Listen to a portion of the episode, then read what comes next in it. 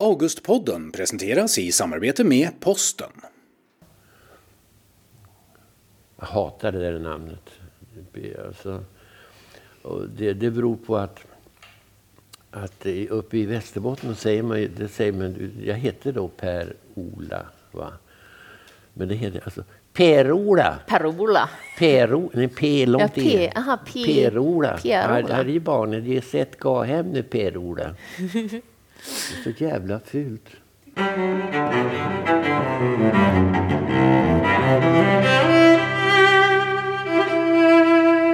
Augustpodden besöker idag författaren Lena Sundström på ett kontor i Stockholm.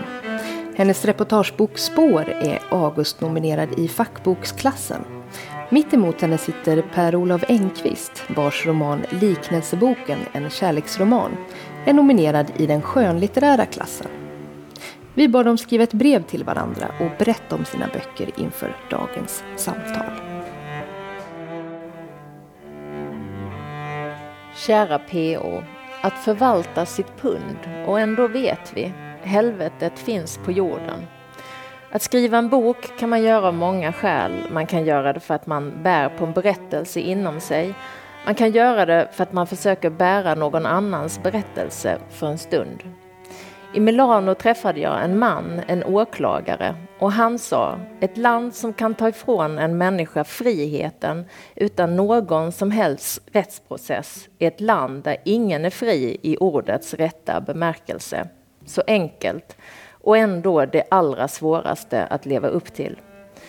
Det här är en berättelse om konsten att blunda med öppna ögon, om långsynthet där historiska övergrepp blir skarpa medan allt blir dimma på nära håll. Det handlar om vår tid, vår tid som i samtiden, men också vår tid som i tiden som vi människor har på oss i detta liv och vad vi efteråt kommer att bli ihågkomna för när vår tid har runnit ut. Jo, jag tänkte på det du skrev i brevet, det här lilla brevet du skickade till mig om eh, skillnaden mellan hur dimmigt ett politiskt beslut kan vara på kort distans, i närtid och hur klarsynt man blir mm. eh, längre fram. Jag, jag höll på en gång, jag skrev en bok som hette Legionärerna som handlar om baltutlämningen. Och den handlar också om en politisk kris och mekanismerna. Och jag kommer ihåg hur eh, alla intervjuer jag gjorde med politiker som var inblandade. Det handlar alltså om utlämningen av baltiska SS. Just det, jag känner väl till Waffen SS-soldater till Sovjetunionen. Hur, eh, hur slarvigt beslutet var till att börja med. Och hur eh, man satt i, eh, i regeringssammanträde och så kom frågan upp och så blev alla lite förbryllade och så tog man ett beslut och så kom det tillbaks en månad senare och alla var lite förbryllade. Och så växte katastrofen. Mm. Så blev det jättestort och jättestort och demonstrationer och eh, eh, blev så småningom det man brukar kalla den, en av de värsta politiska bölder vi har haft i Sverige. Men till att börja med var det väldigt oklart. Och jag tänker på när jag läser din bok. Eh, idag så kan vi se eh, förvirringen i början. Oklarheten. Vem var det egentligen Föredragen, Var skulle du vilja lägga... Vem gjorde, vem gjorde felet till att börja med? Vem personligen? Men jag tror samtidigt att det är viktigt att komma ihåg att ansvaret låg och ligger ofta på så många. Eh, det är många i den här historien som efteråt har försökt gömma sig bakom Anna Lind. Men det var väldigt många tjänstemän som kände till det. Det var människor från öppna polisen, från Säpo. Eh, och det handlar ju inte heller om att man hade behövt ställa sig uppe på barrikaderna och sagt till USA att vi är visserligen ett litet land, men det här vägrar vi gå med på. Vi vägrar lämna ut människor till tortyr. Utan det hade faktiskt räckt med att någon hade lyft på luren och tipsat anonymt. Eh, det hände i Norge till exempel, att någon tipsade från norska regeringskansliet. Man vet fortfarande inte vem det var. Eh, så att ibland tror jag att dels handlar det inte så mycket om att det krävs det där stora, stora modet, utan det är nog mer någon slags ryggradsreflex att det här är fel. Um, och sen också att... Och så, och så tänkandet just de där, eh, den där tiden när vi hade katastrofen i New York med, med 7-Eleven, eh, förlåt, 9-11 och Eh, och vi ställde upp mot terrorismen och vi skulle visa att vi på vems sida vi står. Och att det här var förmodligen den här, den här oklara men positiva vi är soldater i det godas armé. Vi sjunger i samma kör, som Göran Persson uttryckte det. Sa han det? Eh, han sa det.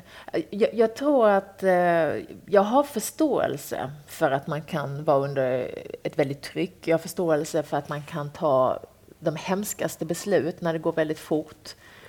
Det intressanta tycker jag egentligen är hur man hanterar det efteråt. Både när det handlar om baltutlämningen, eh, till exempel, eller när det handlar om Egyptenaffären. Eh, att människor handlade fel då är en sak, men i Sverige upplever jag att vi generellt är väldigt dåliga på att Sen vill vi vända blad på något sätt. Det var dumt gjort, nu vill vi gå vidare. Men jag anser att om man verkligen menar allvar med att säga att det här var fruktansvärt, det som skedde. Om man verkligen har den insikten, då måste man också gå till botten med ansvarsfrågan som du var inne på. Och eh, hur försöker vi undvika att det händer igen? Hur gör vi det lättare för nästa tjänsteman, för nästa politiker att fatta ett ryggradsbeslut eller att det, att det kommer mer spontant? Så att det, jag, jag hade också en känsla när jag läste din utomordentliga bok uh, att um, när de första tv-programmen kom om det här mm. så blev det ingen reaktion egentligen. ganska tyst. Det, ganska tyst. Det var små eh, notiser, eh, någon enspaltare här och var och så vidare. Det vill säga media fattade inte trots allt efter två år eller vad det var och, och, och, och en ganska uppseendeväckande exponering. Det, det kom ingen reaktion. Alltså det som hände var ju väldigt extremt. Att man skär upp kläderna, maskerade CIA-agenter skär upp kläderna på två män på en liten lokal flygplats i Sverige. Eh, man sätter på dem fotbojor, handbojor och en huva över huvudena eh, och sätter på dem blöjor och stolpiller och så vidare. Och sen då för man dem barfota en decemberkväll ut mot det här väldigt exklusiva affärsflygplanet. Ändå intalar man sig på något sätt även efter avslöjandet från svensk sida att det här gjorde vi på grund av naivitet. Vi är så goda. Så att även när vi på något sätt gör någonting som är riktigt, riktigt ont så är det av någon slags godhet. Vi utgår från att alla är lika goda som vi. Och det tycker jag på något sätt hör ihop med också vår inställning till Alltså, Sverige är ett av de länderna som, som exporterar mest vapen i världen idag.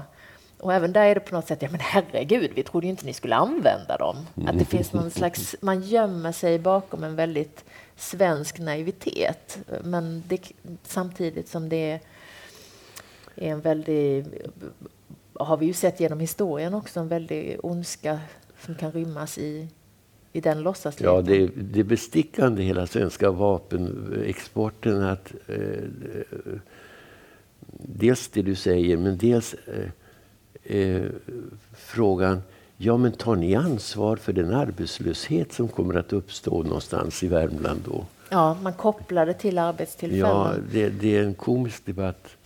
Men sen tänkte jag på det du sa också om eh, varför och hur kan det hända och så vidare. Om det är någonting, just det är inte med i boken, eh, för det finns så mycket som man måste kasta bort för att inte få plats för berättelsens skull. Men när jag läste igenom de här förhörsprotokollen eh, från JO och så, då är det en av de här kvinnorna från Säpo, hon är ansvarig för verkställigheten ute på Bromma flygplats.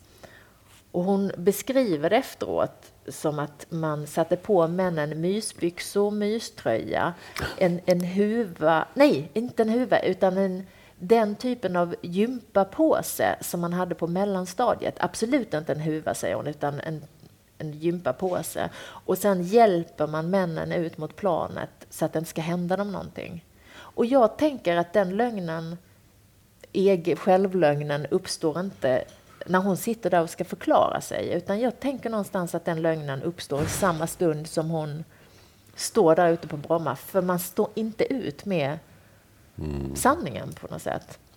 Samtidigt som man är fast i den här, eh, som, som du också var inne på, att man ska hjälpa till nu mot terrorismen och så vidare. Många av de här andra eh, Säpo-poliserna som befann sig på Bromma beskriver hur när vi såg hur de här männen blev behandlade så tänkte vi att det här måste ju vara fruktansvärt farliga män. Alltså man ser någon som blir behandlad som Hannibal Lecter och då utgår man från att det är Hannibal Lecter man ser.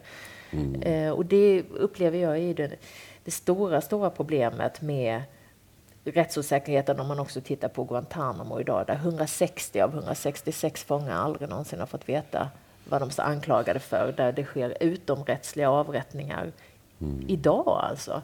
Eh, där Obama godkänner en dödslista och så vidare. Att man på något sätt, ja men nu när de är dödade så måste de ha varit onda. Det blir en helt omvänd rättsprocess. Har du en känsla av, eh, när du har talat med de här inblandade beslutsfattarna, att, att eh, just det här att man skickar ansvaret mellan sig eller är det så att man, man eh, skickar ansvaret mellan sig egentligen eller, eller försöker man förneka det? Alltså det har ju skett en eh, förändring där över tid. Det har ju varit en strategi väldigt länge, ända sedan avslöjandet kom, att man har gömt sig bakom Anna Lind genom att låtsas som att man skyddar henne. Man har sagt, hur kan ni ställa frågor om en död minister? Hur kan ni smutskasta en död minister? Mm. Eh, men under hösten i år så har det skett någonting. Jag kan inte säga vad det beror på. Eh, men, men eh, där man har ändrat strategi, där Mona Sahlin har gått ut och sagt att eh, det var väl ingen av oss som egentligen trodde att den här diplomatiska garantin skulle fungera. Det vill säga, vi förstår väl alla att de skulle bli torterade. Hon har också sagt att man förde samtal om det här i regeringen före avvisningsbeslutet. För tidigare har man försökt framställa det som att man eh, ja, det, det, var ett beslut bland en massa beslut som man skulle ta före jul. Det gick väldigt fort, man hann inte mm. riktigt tänka efter. Eh, men det stämmer inte. Och i höst också första gången som Thomas Bodström har erkänt att han, vilket han har förnekat tidigare, att han fick en dragning i ärendet före själva avvisningen. Eh, och Jan Persson har också gått ut och sagt att det, det var inte bara Anna Lindhs beslut. Hon var visserligen föredragande minister, men hon var eh, hela regeringen bär ansvaret. Men där sen vill man fortfarande vända blad. Det är lite som med kungen. Mm. Nu, nu, det här var dumt, nu vänder vi blad. Men, men eh, det som är intressant i just den här historien, det här var ju, många känner ju till avvisningen, men det här var ju ett av de första fallen i det här jättelika rendition-programmet där människor faktiskt kidnappades över hela världen. Och det gör det också väldigt lätt att jämföra hur andra länder har hanterat det efteråt. Mm. Och det är stor skillnad.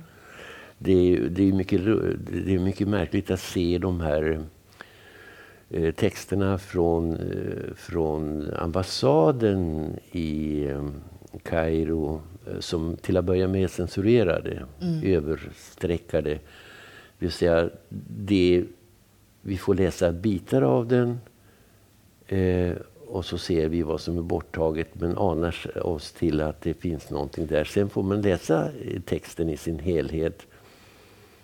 Och det är ju alldeles uppenbart att eh, man får veta att tortyr har förekommit. Mm.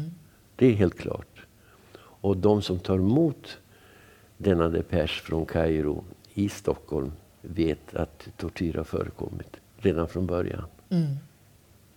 Ja, det värsta med det tycker jag nästan, man har då skickat två människor, inte bara till, låtit CIA ta över den här operationen, utan det är ju svenska. Eh, Säpo-poliser är ombord, de äter middag med Mubaraks säkerhetstjänst när man kommer fram. Eh, så att allting sker ju ändå med öppna ögon.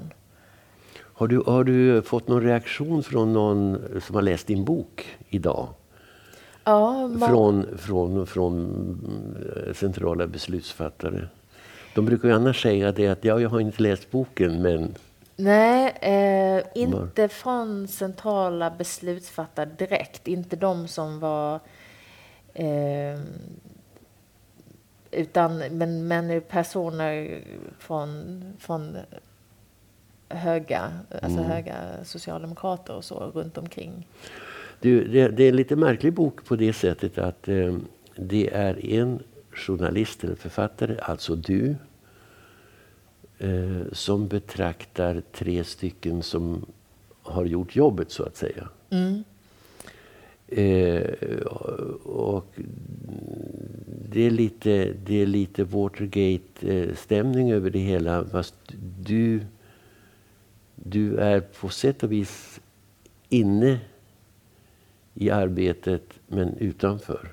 Mm, alltså skillnaden Beskriv där... hur, det, hur det gick till. Det blir jag nyfiken på. Eh, du tar, tar vid så att säga långt efteråt att jobbet gjordes och beskriver jobbet. Det är många som har frågat om det här. Det är speciellt att en journalist eh, skriver om andra journalister. Mm. Samtidigt så upplever inte jag att som journalist att det är skillnad att skriva om journalister mot när jag skriver om styckare på Scan eller förskolepersonal eller en näringslivschef. För jag måste fortfarande sätta mig in i deras arbete. Och på samma sätt så upplever jag inte heller att det är någon skillnad eh, om jag hade skrivit en eh, bok om ett författarskap eller om du förstår vad jag menar. Alltså mm. det hade fortfarande fått då, eller om jag hade skrivit en bok om en uppfinnare eller eh, eller om Zlatan eller vad hur, det kan vara. Hur reagerar de, de här tre som gjorde, gjorde det här eh, på, vad heter det, på Kalla fakta var det? Ja, på Kalla fakta. Ja. ja när, vi... när de läser boken idag, ja, är det känsligt att... eller? Nej, det är inte känsligt. Det är inte det. Alls. Jag tror att de var nervösa när de skulle läsa första gången. Men, men, eh, men det jag skulle säga är att det, det ovanliga skulle jag säga är att journalister släpper in andra journalister på ja, det här sättet. Det är väldigt ovanligt. Det är väldigt ovanligt.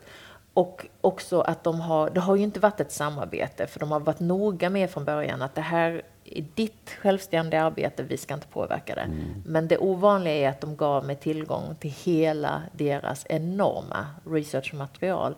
Och då är det ju tre journalister som är alltså, ja, jag ska säga de tyngsta journalisterna i Sverige idag som har avslöjat mutor inom Telia Sonera, JAS, Systembolaget, Svartfiske i Barents hav, Östersjön och så vidare. Så att, eh, att de har... Det krävde ju en enorm tillit, eh, ja. framförallt från deras håll. Och det, jag måste ju säga att jag är lite häpen över att de fick, de fick så mycket tid mm.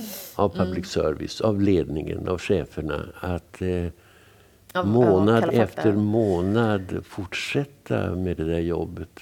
Ja, det är fantastiskt. Ja. Eh, det är ju Kajsa Ståhl då, redaktören, som låter dem hållas. Ja, just eh, det. Och det är ju väldigt lätt idag. Idag vet vi vad som hände. Vi vet att maskerade män landade på Bromma flygplats att två män försökte ropa på hjälp inifrån fängelset via svenska ambassaden och att svenska ambassaden rök, ljög eh, FN rakt upp i ansiktet, anhöriga, juridiska ombud och så vidare. Men under två års tid så såg det ut som en vanlig avvisning. Mm. Och det är ju det är, lätt, det är lätt idag att förstå att en redaktör satsar på ett sånt jobb eller att tre journalister jobbar dygnet runt eh, under väldigt lång tid med ett sådant projekt. Det svåra är ju just att de visste ju inte om de skulle hitta någonting. Det var ju under lång tid när de mm. bara satt och ringde och ringde och ringde folk slängde på luren. Eh, de satt och ringde på kvällar mycket eftersom de då hoppades på att någon skulle ställa upp som källa och så vidare. Eh, och sådana här dråpliga eh, situationer när de till slut får tag på en man som säger att han kan berätta, som har jobbat ute på Bromma och som säger att jo då, han har jobbat med eh, avvisningen då den 18 december 2001 och sen visade det sig att han det är ett stort missförstånd. Han jobbar med avisningar och inte avvisningar. Pinsamt. och det är sånt man kan skratta åt efteråt, ja. men, men då var det ju kämpigt. Ehm, men för mig har det ju handlat väldigt mycket om, jag älskar ju den här boken, alla press, och alla presidenters män heter den, till skillnad från filmen. Mm. Ehm, men att, att också påminna oss alla om det, vad god journalistik kan åstadkomma. På något sätt. Mm. Det här är en bok som, som är skriven som, man kan läsa den som en roman, även om det är en faktabok. Eh, och det är, jag, när jag hörde talas om den här historien så kändes det som att det var dess rätta form och skriva den på det sättet. Samtidigt så har det varit otroligt viktigt för mig att eh, det ska vara baserat på fakta. Om det står att någon har hål på strumpan så ska det finnas ett bildbevis på det. Och om någon skrattar när personen säger en, en, en viss sak om, om eh, till exempel om Agisa och Alsering i fängelset, då, då ska de skratta precis där i råmaterialet för att, för att det är viktigt. Just för att det är människor som både är är offer, och, men också förövare och människor som lever idag. Så det, det har känts. Men sen kan man ju, jag kan ju bli, jag kan ju drömma om och, och jag förstår att det är svårare att skriva skönlitterärt samtidigt som man kan vara otroligt... Eller också är det lättare. Att skriva, ja, men det, det, man slipper faktakollen, men, men å andra sidan så måste man ju skapa allt själv från, från grunden. Ja, det beror på vilka som kan kontrollera fakta. Om man skriver självbiografier, som jag gjorde för fem år sedan eh, i ett annat liv, så ja, då, den, den är ju... Eh, det finns ju en person som är huvudansvarig för faktakollen och det är jag som är huvudperson. Jag är både betraktare på en gång och, eh, och den som det gäller. Men den är ju, den är ju faktiskt på... Det finns inga fiktiva inslag i den. Utan den är... Sann. Den är, den är sann. Den är en, en, ett, ett, en dokumentär på det sättet som en självbiografi kan vara det. Men det, den här nya boken, det är ju, det är ju en roman.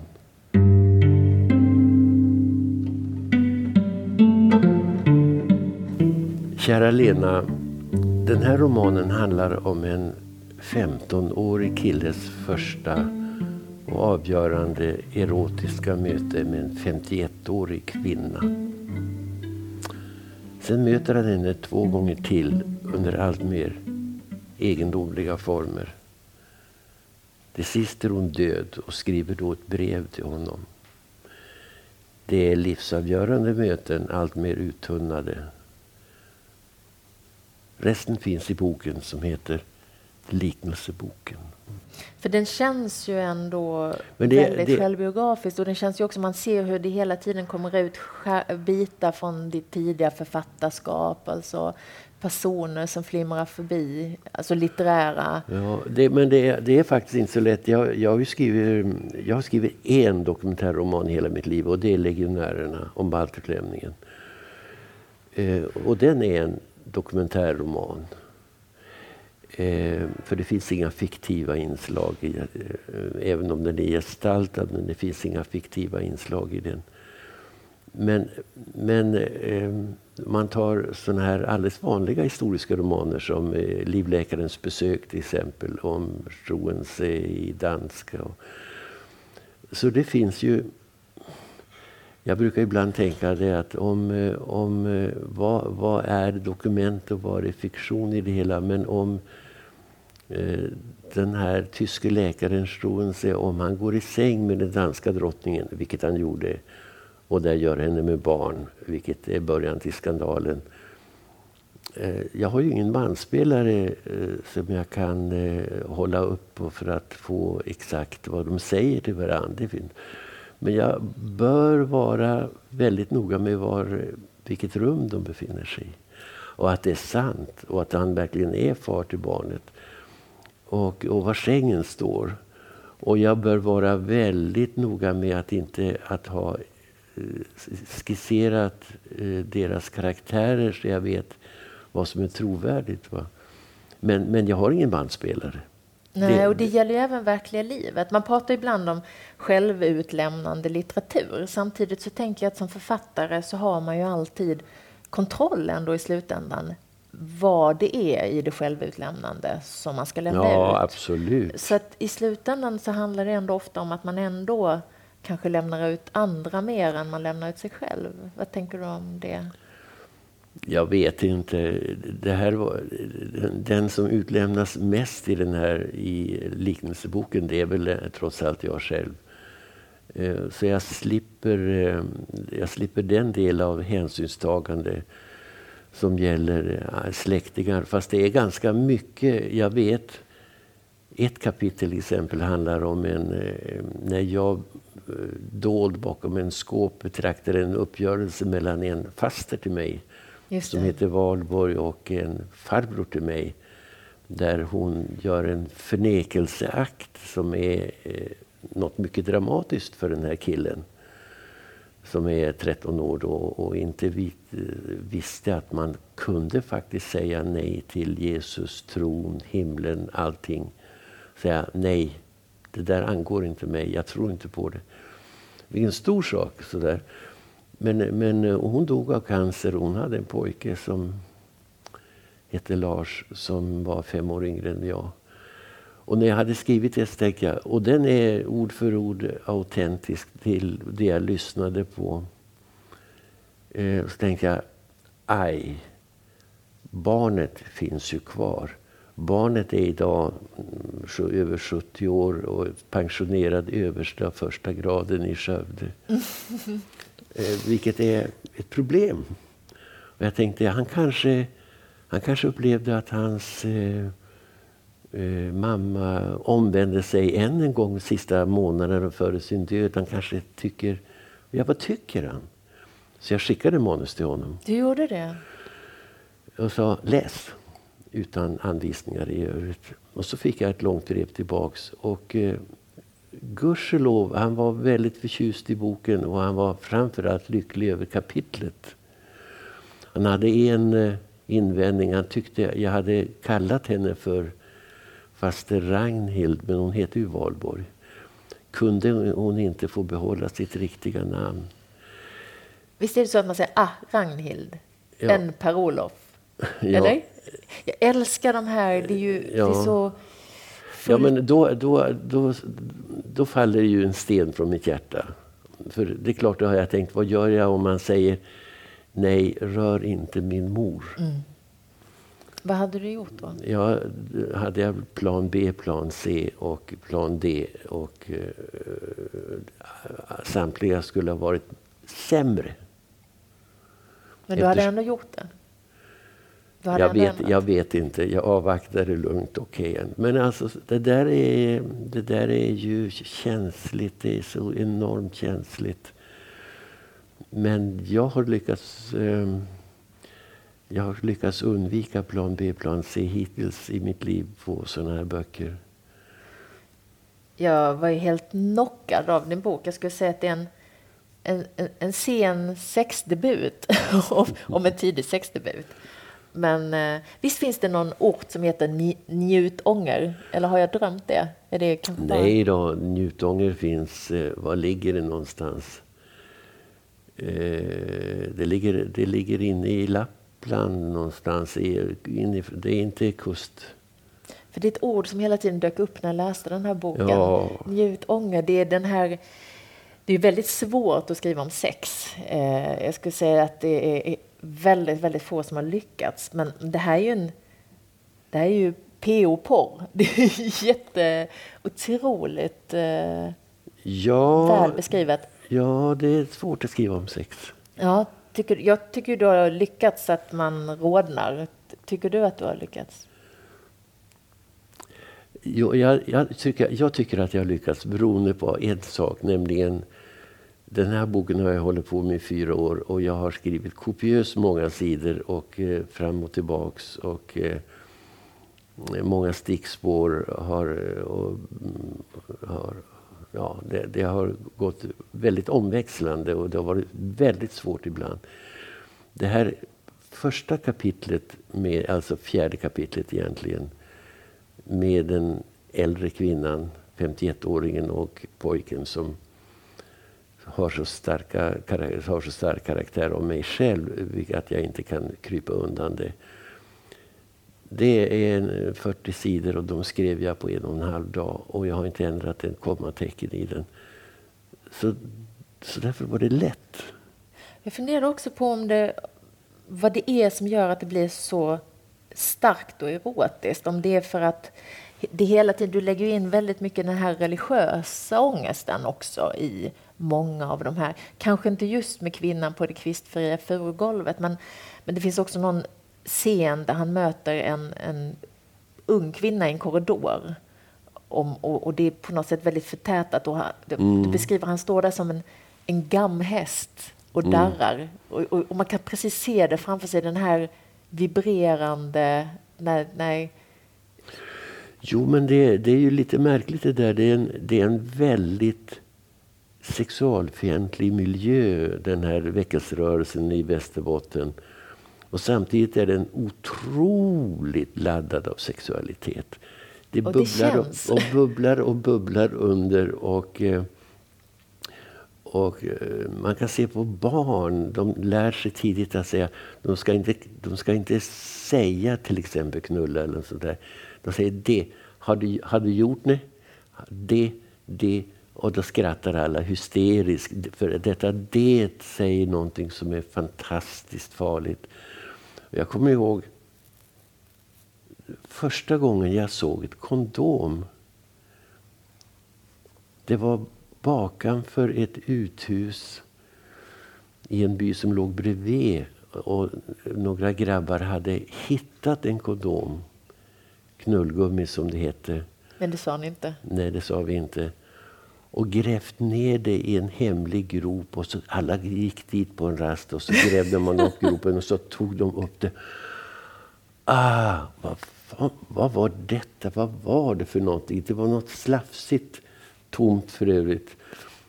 Uh, och, och, och, och, detta var fullständigt magiskt. Så under den stränga ytan så fanns det en, en, ett bubblande sexuellt hav som trycktes ner och ibland kunde komma upp som... Och man måste nästan förstå det Eh, det undertryckta? det, det, är oerhört undertryckta för att förstå det, det, det snälla och lyckliga i den här eh, scenen på golvet. Den är, ju, den är ju alldeles oskuldsfull. Jag vill ju så gärna, gärna tro att det är sant just för att jag vi stod och pratade om det igår, apropå böcker, att det finns böcker som får en att känna det som beskrivs att personen känner i boken och det är ganska få författare som lyckas med det. Jag hade ont i hjärtat nästan hela tiden jag läste den här boken och framförallt i slutet på den här scenen på Skogskyrkogården. Mm. Och den här väldigt hur är det han uttrycker det? Du ska ha tack själv. Alltså det ligger så oerhört... Du ska ha stort tack Du ska ha stort tack själv. Det ligger så oerhört mycket i de här orden. Samtidigt, kvistfria furugolv, det finns väl inte? Jo men, och jag använder mycket dokumentär energi åt att ta fram exakt hur man gör de här kvistfria. Man måste, det, det heter kärnsågning. Eh, man, man sågar så att säga alla fyra norr, söder, öster, vänster på den där och det är ganska höga tallar och det blir en kärna kvar. Och den blir kvistfri. Det, den invändningen jag har hört är att denna enkla Larssonsgården, för övrigt Stig Larssons hemgård, alltså deckarförfattarens, eh, den, den, den var ju faktiskt ganska skraltig var det troligt att det var kvistfritt. För det är väldigt dyrt med kvistfri furu. Det är det finaste som finns. Men det finns, ska jag tala om. Man skulle kunna tolka det också som att den 15-årige pojken minns det som ett kvistfritt golv i perfektionens Ja, framförallt är den ju, har den ju, var den ju polerad så att säga av hundra år av eh, det blir väldigt fin yta på det hela. Inte hundra år av ensamhet utan hundra år av nernötta fötter Ja. som har trampat på.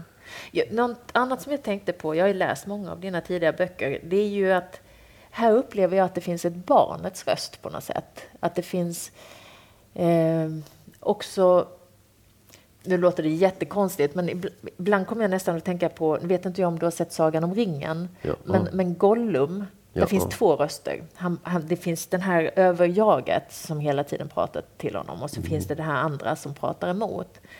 Och jag kunde känna att, att boken också mycket är en, en monolog i form av en, av en dialog som jag kan uppleva att både, både små barn och väldigt lite kloka äldre människor kan ha med, Det är intressant att du säger det för att under jag, när jag skrev så ibland dyker det upp ord, eh, liksom en protesterande kör som säger man baxnar. själv. Man häpnar. Man häpnar. Eh, nog nu, nog nu. Och sen, vem är det som talar? På något sätt är det byn. Är det bin? Ja, jag tror det. Det är byn. Eller är det mor? Det vågar jag inte ens tänka på. Jag ska säga en sak. Apropå sexualfientligheten och eh, den, den stränga, den normativa uppfostran man fick. Min mor sa aldrig ett ord i hela sitt liv till mig om sexualitet. Aldrig att hon skulle säga att ta, du ska ha händerna ovanför täcket typ eller något sånt där. Aldrig. Och ändå visste jag och alla andra barn i detalj allting och hur förbjudet det var och så skamligt och straffen och så vidare. Var kom det ifrån? Det låg som ett ozonskikt över Västerbottens kustland. Händerna upp på svartfilten. Nej, alltså det, hon skulle aldrig drömma om att säga det. Och ändå visste ju alla. Och hur visste man tror du? Eller det bara är sånt man vet ända sedan man var... Ja, alltså det är klart att bondbyar... Jag, jag, jag, jag, har ju gått med kor till tjuren och till... Jag menar, vi, bönder vet mycket om sexualitet. Också de som inte egentligen är bondgrabb. Jag var egentligen inte bondgrabb. Jag var son till en byskolärarinna. Men jag kunde ju se det överallt. Jag talade om det. Och det där hemlighetsfulla, det. De, de som hade gjort det, var då det. Den, den här eh, my, nästan mytiska sexualiteten som, som uppstår i det här strikt religiösa sammanhanget. Upplever du att du har stuckit hål på det nu när, när du har skrivit om det? Att det har blivit någon slags... Eh, Nej, det tycker jag inte. Jag, jag har ju faktiskt skrivit om sexualitet förut. Det finns eh, samlagsscener i Livläkarens besök. Annars är, jag måste jag säga, mina böcker eh, beundransvärt kyska. eller hur? Har du tänkt på det? Jag har tänkt på det. de, är, de är ofta problemorienterade eller historiska. Eller så där, men, men eh, det är Livläkarens besök som, där det finns några sidor som för övrigt är mycket explicita. Eh, Men är du glad att du höll på dig nu när du har skrivit liknelseboken? Ja, ja ja, det är ju någonting som du slipper när du gör en, eh, en dokumentärroman om tre journalister på TV4 som arbetar om, med politiska problem. Eh, det, det, är ju, det är ju en kysk värld. Vad tycker du om, hur mycket funderar du? Det verkar som att du hade funderat väldigt mycket kring ångesten också kring att skriva just en kärleksroman. Det är inte så mycket ångest som, eh, som att eh, det är svårt. Det är precis som du säger, det är väldigt svårt att skriva om sexualitet. Mm. Eh, du ska det, säga det något finns... jätte, jättekonstigt, men jag tänkte på, och inga jämförelser alls såklart i övrigt, men att det är lika svårt att skriva om, om sex som det är att skriva om tortyr. Alltså det är så starka eh, upplevelser som sker inom en och sätter man ord på det så riskerar man att förstöra hela så att någon annan kan förstå. Förstår du vad ja, jag menar? Ja, absolut. Eh, men, men eh, eftersom det finns otroligt mycket dålig, dåliga sexskildringar. Det finns faktiskt.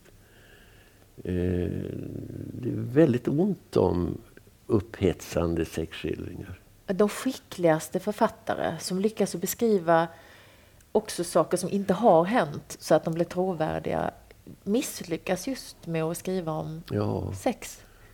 Men och, det, är det inte att orden tar död på... Ja, men det är också ett tortyr som du säger. Jag, jag, jag, jag, tror när jag läser din bok att det, du har inte så explicita skildringar av, av tortyren. Inte alls. Uh, och, och, och, tack gode Gud för det. Jag vet inte om det skulle ha gjort starkare intryck om du hade men jag våndas och, och, jag våndas och vänder blad när jag läser sånt där med tortyrscener. Men du är, jag, som du säger, jag, tror att, jag, jag, tror att man förskjuter lättare. Jag vill inte, jag vill inte höra. Jag vill inte, jag vill inte ligga vaken på nätterna. Det är vissa saker som man, som man inte mår bra av att läsa. Jag läser just nu Åse Seierstads bok om, om eh, eh, tragedin på eh, Björnöja, vad heter den? Utöja. Utöja. Den är nästan outhärdlig. Mm. Jag, kan inte sova, jag har inte så, kunnat sova särskilt bra i natt. Därför att det är, det är så otäckt, de här avrättningarna.